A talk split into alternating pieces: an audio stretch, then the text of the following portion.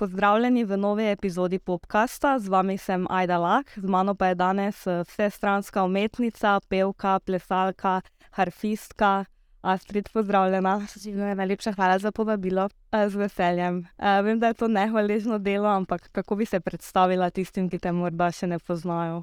Um, mogoče kot multidimenzionalna umetnica, um, režiserka, performerka, umetnica nasplošno. Veliko stvari te zanima in dela. Ja, vedno več, pa vedno odkrijem kaj novega o sebi, da nekaj zmorem, česar si nisem mislila, da zmorem. Uhum, pa če gremo recimo na tvoje začetke, eh, magistrirala si iz opernega petja, tudi sporedno si harfo eh, študirala, um, zdaj si pa na samostojni poti, eh, visoko kot solo izvajalka, recimo tema eh, bolj pop, pop alternativne vode.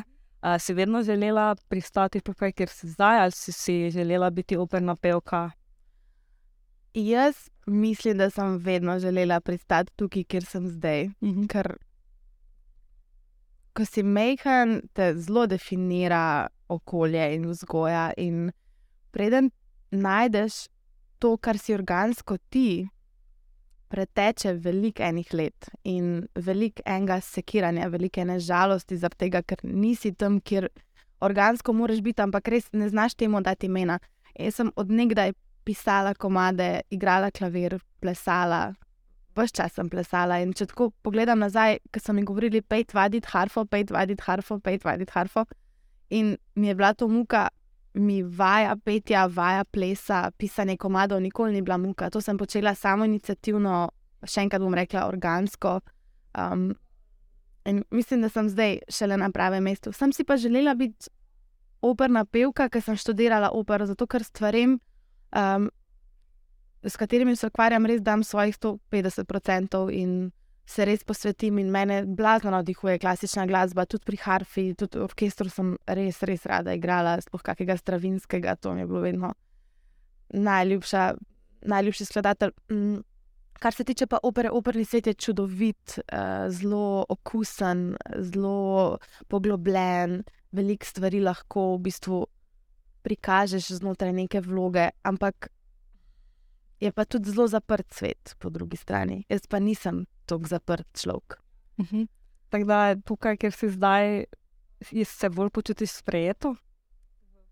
Tako, kako, kako je danes biti glasbenica v Sloveniji? Wow. zelo, zelo dobro vprašanje. Jaz se zelo počutim sprejeto sama pri sebi. Do te stopnje sem mogla priti in tukaj sem zdaj, ok. Zelo se počutim sprejeto v um, sistemu, v katerem sem, torej jaz in Tomaš. In zdaj imam bend in se zelo počutim sprejeto v tem bendu. Spravi v nekih teh zaprtih celicah, I love it. Tudi v krogu ljudi, s katerimi se obkrožam, se počutim sprejeto. Kar se tiče pa glasbe v Sloveniji. Se mi zdi, da smo zelo, tudi kot ljudje, ne maramo, če nekdo res izstopa, da je nekdo res dober. Jaz samo odnegdaj je problem s tem. Če je nekdo res dober, ga je treba utišati, mu je treba povedati: ne, ne, ne, bodi skromen. Ne, don't do it. Zato, ker ljudje poslušajo glasbo, ki je zelo na prvo žogo, ki ne vzamejo si več kot tri minute, da bi dali umetnosti uh, priložnost, N ne grejo globlje. Um, dvorane nam polnijo ljudje, ki ne pišejo besedil, ki ne, ne izgovarjajo, ki nimajo lepe interpretacije in mene to zelo, zelo, zelo boli. Ampak po drugi strani pa sem jaz umetnik, ki sem tle zato, da to spremenjam. Ampak je verjetno ta pot težka. Ali... Ja, zelo težka, ogromno dela, ogromno lastnega finančnega vložka. Uh, zdaj le trenutno sem v, v obdobju, ko sem na robu burnouta. Ampak um, je pa tudi zelo lepa pot, ker si svoboden. Ha. Ja, um, ker lahko ustvarjaš, jaz ne morem, da ne bi ustvarjala. Tako da za mene ni druge poti. Tudi če je težka, je za me prava. Ampak praviš, če si na robu burnouta, boš potem malo zavo na zavore stisnila ali greš dalje. Uh, vse, kar se nam dogaja, se nam dogaja z razlogom in telo nam vse pove. In če meni telo sporoča, da ne more več, mu moram prisluhniti. To samo pomeni, da bojo moje prioritete se mečken spremenile, da bom mogoče dala več priložnosti počitku, In v počitku bom več prebrala, knjig mogoče, bo več navdiha za tekste, vse je povezano. Tako da zdaj le oddelam ta men, zmontiram en video, pa bom pa večkrat. Okay, zdaj pihala. Ja. Uh, če se ne motim, potem tudi album imaš na črtu izdati. Na črtu imam izdati album novembra, prvo pride pa ven EP. V načrtu je bilo, da bo že en nov spot, ampak ne morem ga speljati, Mhm. ker Ne zmoreš. ne zmorem ga speljati. Ja. Tako da tudi prilagajaš potem svoje odločitve, se poslušaš, uh, nimaš vse točno načrtovano, tako kot mora biti. Eh, Vedno je nek ta dolgoročni plan, torej eh, delati glasbo, biti na odru. Vedno so ti neki generalni plani, ki jim sledim. In tudi to, da, da jaz počivam, je del tega načrta. ne. Zdaj, da jaz speljem en spot, pomeni, da ga bom režirala, producirala za celo ekipo, vedno zrihtam goodie bag, um, zrihtam jim dobro hrano. Vse, cela organizacija je na meni in tudi vse odločitve, kar se tiče kadrov, kar se tiče kostuma, kar se tiče scenografije, ki jo tudi delam sama. To ne morem, da ne bi jih stokrat premislila in imela milijon sestankov in preden pridem res na scenarij, ki mi odgovarja. Um, je res ogromno enega truda in ogromno enih neprespanih noči in sestankov, in trenutno nisem sposobna speljati video spota za Berlin, za skladbo, ki je v bistvu moja najljubša. Moram si vzeti čas. Uh, ker bi so režirala si že zadnja dva svoja video spota, če se ne motim. Um, kako to, da se odločiš potem še za režijo? Vidim, da šteno te to ful veseli. kako me to veseli. Ko se o tem pogovarjala, sem kar happy. V bistvu nikoli nisem, ko smo mehni, se zelo predalčkamo, ker nas družba predalčka. In potem, ko odraščaš, ugotavljaš, kaj vse ti si in kaj vse lahko si. Jaz nisem šolana režiserka in tudi um, to priznavam svoji ekipi in se učim od njih in vprašam, kaj pomeni spodnji rakurs, kaj je zdaj to. In mi razložijo te stvari in jih potem dajem v svoj um, miselni prostor. Ampak ja, režija je amazing. Vedno sem oboževala filme, zbirala sem jih, ker sem bila mehna. Skozi sem jih v bistvu gledala tudi za novo leto, ker nisem pač se družila tako, kot se je moja sestra. Sem jaz imela vedno tradicijo črno-belih filmov. Um, ja, no. In režiserje sem spremljala in tako.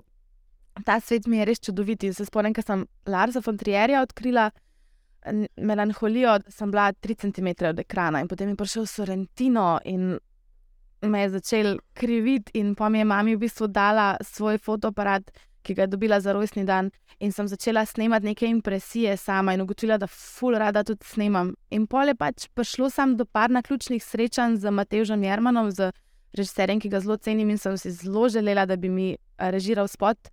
Vedno sem se srečala v fitnessu in rekel, a se nimam časa, ne, ne morem. In pa, ko sem se tretjič srečala, rekel, pa te, alah, alah, sama režiraš, sama režiri. In sem tako, Zakaj pa ne? Ne vem, neki se je premaknili in pol so prišle Devojke in Kostarika. Ne pravim, da so to najbolj vrhunski projekti, ki jih bom v življenju naredila. Vem, kje so moje meje, trenutno tudi poznam napake, ki sem jih naredila, ampak sem tako ponosna na to, na ta pogum, pa na ekipo, ki se je sestavljala, pa na to, da, ja, da smo to sfurali. Um, te dve pesmi, ki si omenila, um, kje črpaš navdih za njih? Uh, vidim, da veliko o ženskah pišeš, je to neka tema, ki te uh, tu črpaš navdih. Uh, Napisala si tudi pesem za svojo prijateljico, se ne Ja. motim. Joj, navdih je itak iz vseh stvari, iz vsakega filma, veliko berem. Um, moj partnerski odnos me nenormalno navdihuje, um, moj otrok me nenormalno navdihuje. V bistvu vsaka stvar v življenju. In iz tega pridejo potem teksti z improvizacijo. In tudi ti jeziki, ki se zgodijo, da je angliški, da je slovenski, da je srbo-hrvaški, to pride samo od sebe in jaz sem presenečena, ko se pojavijo kakšne fraze in jim sledim. Sem pa ja, ugotovila, pa to je res nek vzorc, da res veliko svoje pozornosti namenjam ženski, um, kot liku. Kot, um, ja, mislim, da so mi ženske neverjetno navdih. Tudi um, v ekipi sem imela pri devojkah same ženske, skoraj, samo asistent luči je bil um, moški. Uh, so sicer prednosti in slabosti tega, da dela ženskami, zato ker smo zelo pozorne Mhm. na vsak detajl. Hkrati smo zelo pozorne tudi na to, da se ljudje okrog nas dobro počutijo. In jaz v tem ratam veliko krat anksiozna med ženskami, ker bi rada, da se vsi dobro počutimo in bolj smo tako. In pride tle do, do nekega kleša, ampak um, ženske smo amazing. Jaz, odkar sem mama, še toliko bolj spoštujem to in našo čustveno inteligenco in kako v bistvu. Uh, Ko moški žensko dobijo življenje, začnejo tudi sami veliko bolj na en tak lepši, nežnejši način rasti. To sem veliko krat opazovala v odnosu. Um, tako da, ja, jaz, če mogoče um, sem mečken kontra eni naši znani eh, slovenski političarki, jaz sem zelo feministka. Ampak sem pa tudi hkrati uh, človek, ki spoštujem spol, ki spoštujem vse, kar pač človek je, in moškega in žensko. In to, da sem feministka, ne pomeni, da ne spoštujem moškega. Samo pomeni, da si res želim enakosti, da si res želim spoštovanja, da si želim, da mama v družbi ni sužen, da se zavedamo, da sta starša dva in da je tudi mama človek. To, to je ena taka stvar, ki jo ful opažam in se mi zdi, da je zelo pomembno izpostaviti. Mhm, Ko te poslušam, je rekla, da materinstvo tudi dosti vpliva na tvoje ustvarjanje. Te je spremenilo, drugače zdaj ustvarjaš, odkar si mama. Materinstvo me je vrnilo v mindset, ki sem ga imela kot mehna punčka. Kar je ful zanimivo, zadnjič mi je na enem intervjuju kolegica, ki me pozna iz otroštva, povedala, da preden sem šla na oder na tekmovanju, sem se obrnila k njeni profesorici za klavir in sem rekla: Ubila jih bom. Jaz sem šla na oder in sem zmagala. Ampak tak mindset sem imela takrat in pol mi ga je družba nekako, pa greš na faks, pa te vse prav, vse prav. Mhm. Vem, da je prav, malo ti treba prirezati peruti, ampak ker sem ratala mama, sem dobila nazaj to. Um, ubila jih bom. Ampak na tak dober način pač ne, ne bom, ne bom backdownala, to je zdaj moja platforma, jaz na tej platformi bom dala vse od sebe, jaz zaupam vase, jaz.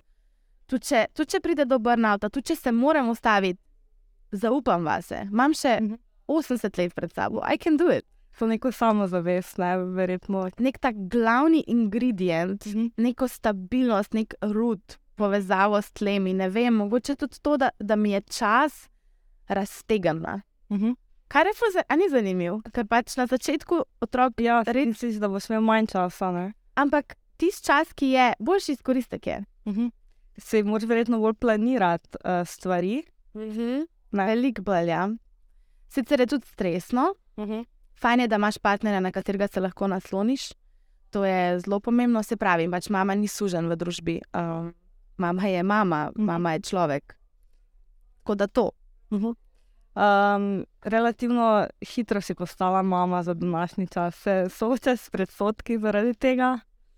Ali ne? Ne vem, če sem se sploh ukvarjala s tem takrat. Vem, da sem bila sam vesela. To, to se je nama zgodilo, čist um, neplanirano, ampak jaz sem glih bila pred magisterijem in se mi je zdel zanimiv. In pa smo tudi takoj, ko sem rodila, smo šli v to korona obdobje.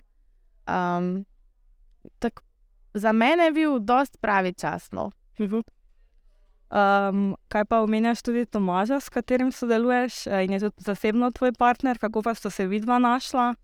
Mi dva sva se pa našla v bistvu enkrat čisto slučajno po njihovem koncertu. Takrat uh, sem ga samo opazila in mi je bilo zelo. To, to srečanje je bilo za me zelo čudno, zato ker sem takoj vse vedela. Mhm. Ampak se pravi, preden pride do te realizacije, preden se res povežeš z občutkom, nekaj časa mine in pa sva začela delati skupaj glasbo, začela sva nastopati, pa sva pa pač. Ja, Kako pa zdaj um, znata biti doma, tudi se ne ukvarja z glasbo ali cel čas ustvarjata? da se znava totalno ne ukvarjati s glasbo. Ni težko to privati v službah. Oba rada kuhava, um, oba obožujeva knjige. Tako da zdaj, ko smo šla v London in sem imela samo ročno prtljago, sem potem knjige basala. Wow. Tudi na zadnji, ko sem bila v studiu pri Borotu Antončiču v Šentirneju, um, on ima v bistvu na mestu izolacije knjige in najboljši mi je bilo, ker je rekel, že to, da nam je studio posodil, je bilo alot. Ampak pa je rekel, pa kjerkoli knjigo si lahko vzamete domov in mi je tako. Hold my beer.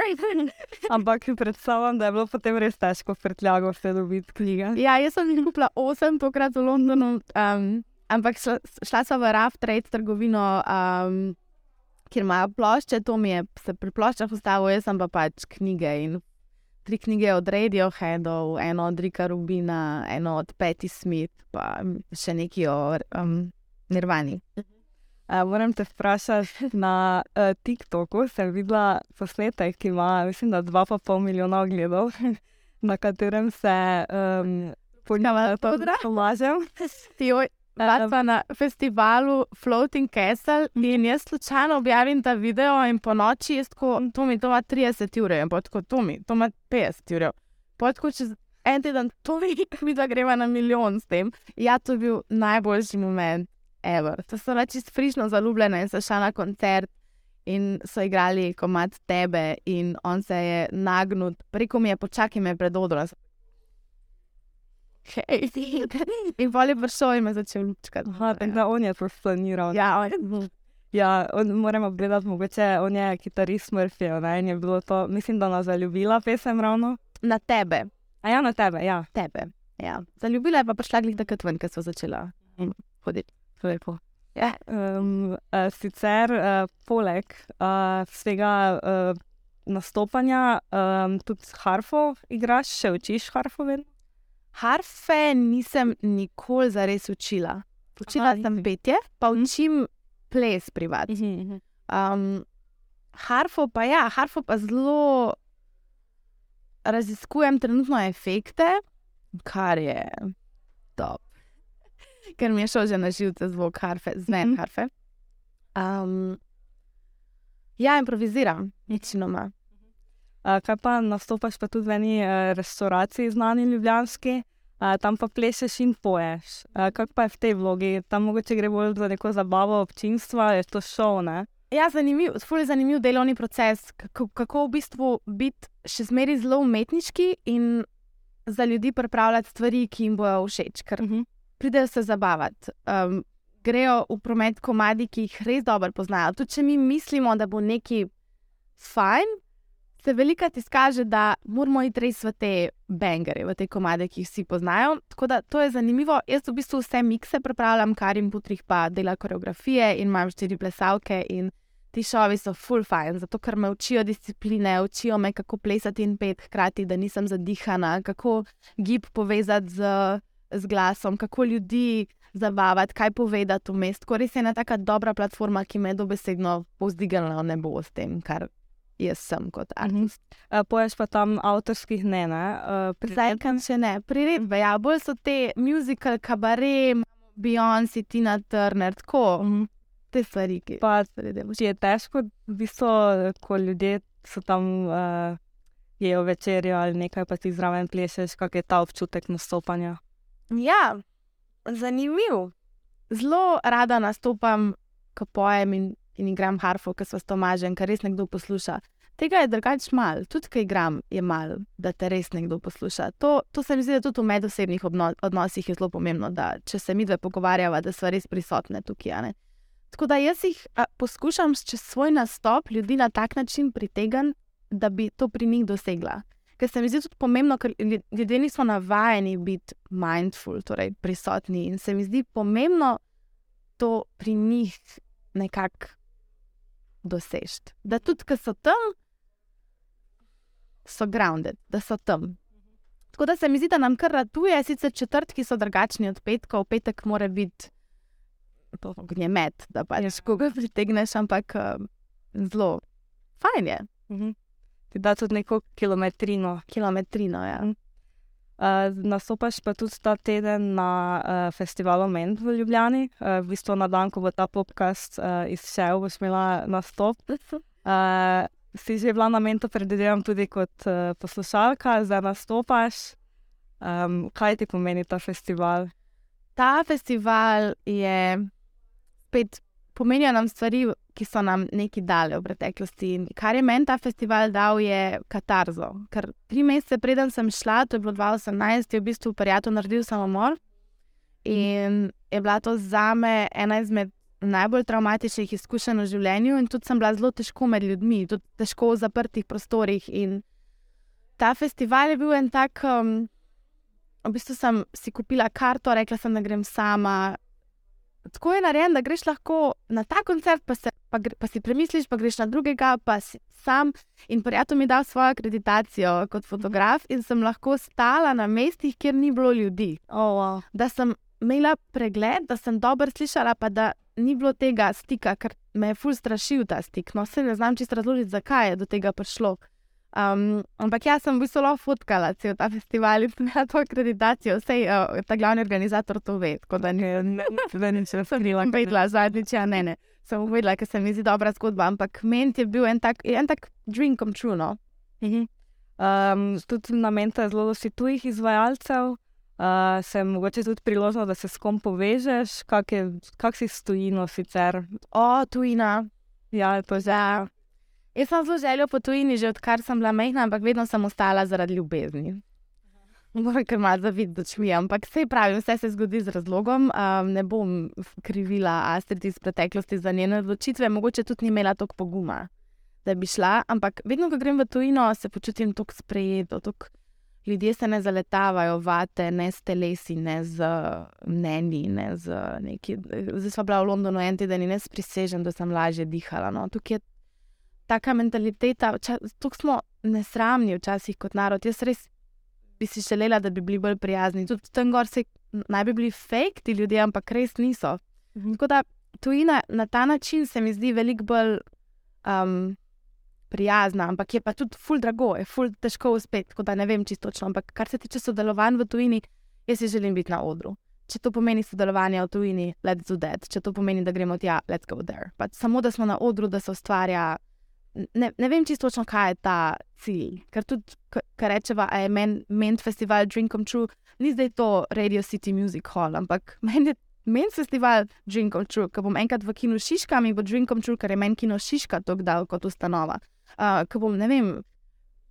Ne vem, mogoče enkrat v križankah mi bo to dream come true, ker bom z nekim izvajalcem takrat nastopala, ki mi je ljub. Ker sem bila z neomi na, um, na ištekanjih, mi je bil to dream come true, ker me je nekdo poklical, nekdo opazil, mi je nekdo dal priložnost platformo. Tako da na tak način razmišljam. Um, veselim se menta, zato ker bom prvič v svoji zasedbi nastopala. Aha. Prvič z bendom, zelo smo se pokonektali, ta let, da je sploh fajn, ker smo prišli na ta nivo, da lahko moje komade igramo v živo. In prosto stopijo v Zorici 31.3. ob 10. res pridite, no, ker bo fulje dobro. Ja, jaz si želim, da dobro izpelješ ta nastop.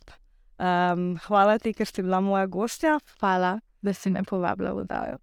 Ni zakaj. Um, vam, spoštovani eh, gledalci in poslušalci, pa um, poslušajte Astrid, eh, njene pesmi, ki jih ustvarja, ne bo vam žal, obljubim. Uh, sicer pa nas še naprej spremljajte na 24ur.com in na ostalih podcast platformah.